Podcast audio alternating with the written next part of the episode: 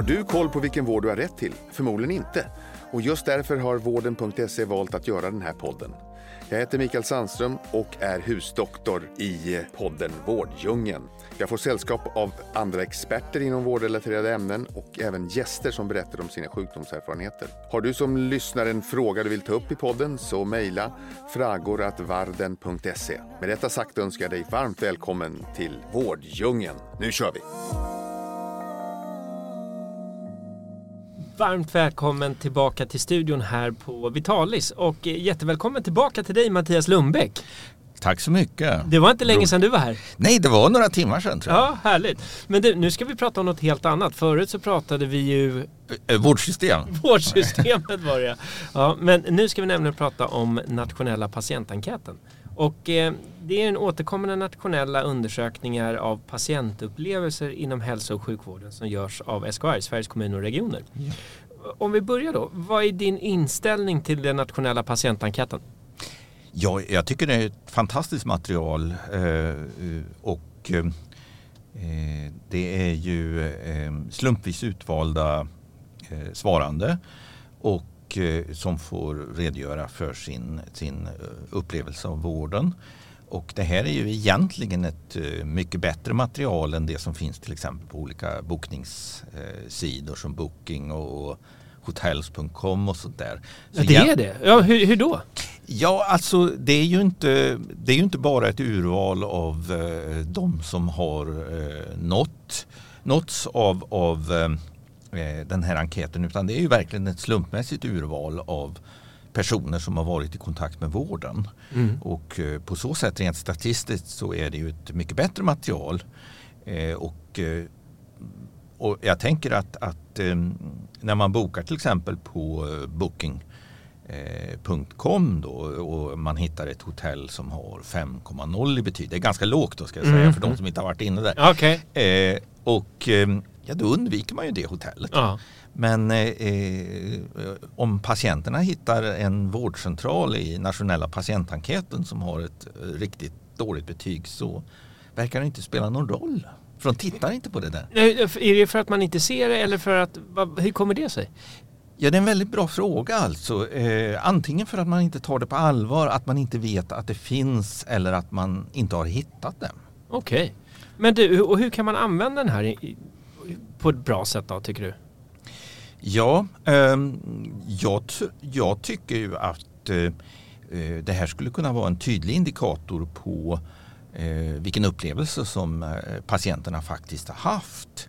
I alla fall om man tar hänsyn då till att Eh, urvalet av, av patienter kanske blir lite olika beroende på vilken vårdcentral det är. Mm. Men det är sånt som man kan ta hänsyn till eh, rent statistiskt. För några år sedan då bytte man från att först har man mött nöjdhet och sen så gick man till patientupplevelse. Eh, jag tänkte att vi skulle bena ut lite på det där och dels hur du ser på den utvecklingen och vad är det, vad är det för skifte man i praktiken gör? Ja, eh, jag förstår ju tanken bakom eh, att Eh, de gjorde den här förändringen och då. Och eh, vad det handlar om är att istället för att fråga då eh, till exempel hur nöjd är du med vården du fick så kan man ställa specifika frågor som Fick du tillräckligt med information om ditt hälsotillstånd eller behandling? Förstod du informationen som gavs till dig? Hur upplevde du bemötandet från vårdpersonalen? Fick du tillräckligt med smärtlindring? Hur lång tid tog det?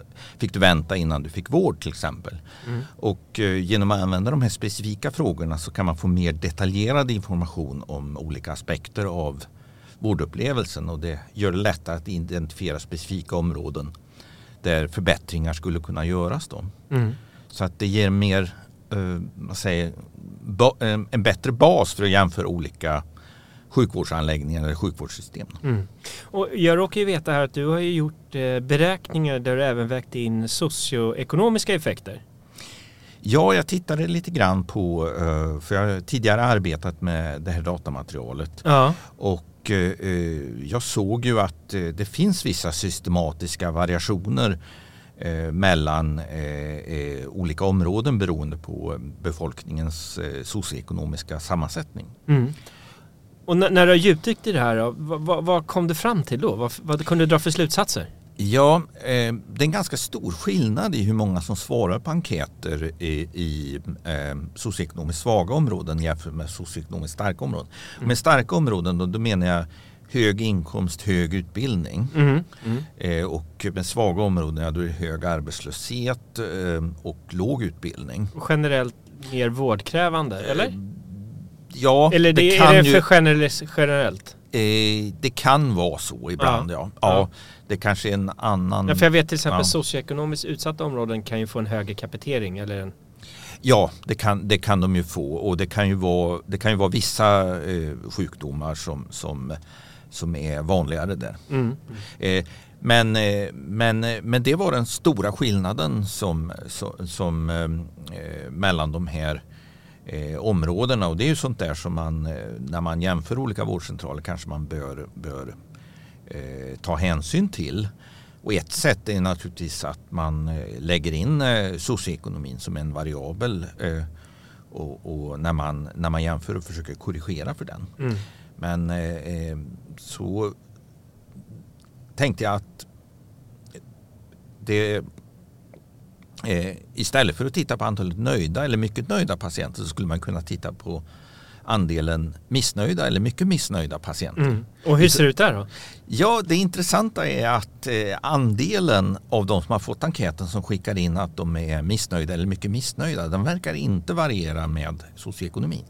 Så benägenheten att eh, skicka in en enkät och tala om att man är missnöjd, den är ungefär detsamma. Ja. Så därför då slipper man ju justera för den faktorn och då är ju egentligen andelen missnöjda eller mycket missnöjda i förhållande till antalet utskickade enkäter egentligen en bättre proxy för kvaliteten. Ja, du ser. Och vilka faktorer då eh, tycker, ser du har starkast påverkan på resultatet, det vill säga då patientupplevelsen? Ja, det, det, det är ju det som är eh, den intressanta frågan som jag inte har svaret på. Ja, det är så? Ja. ja.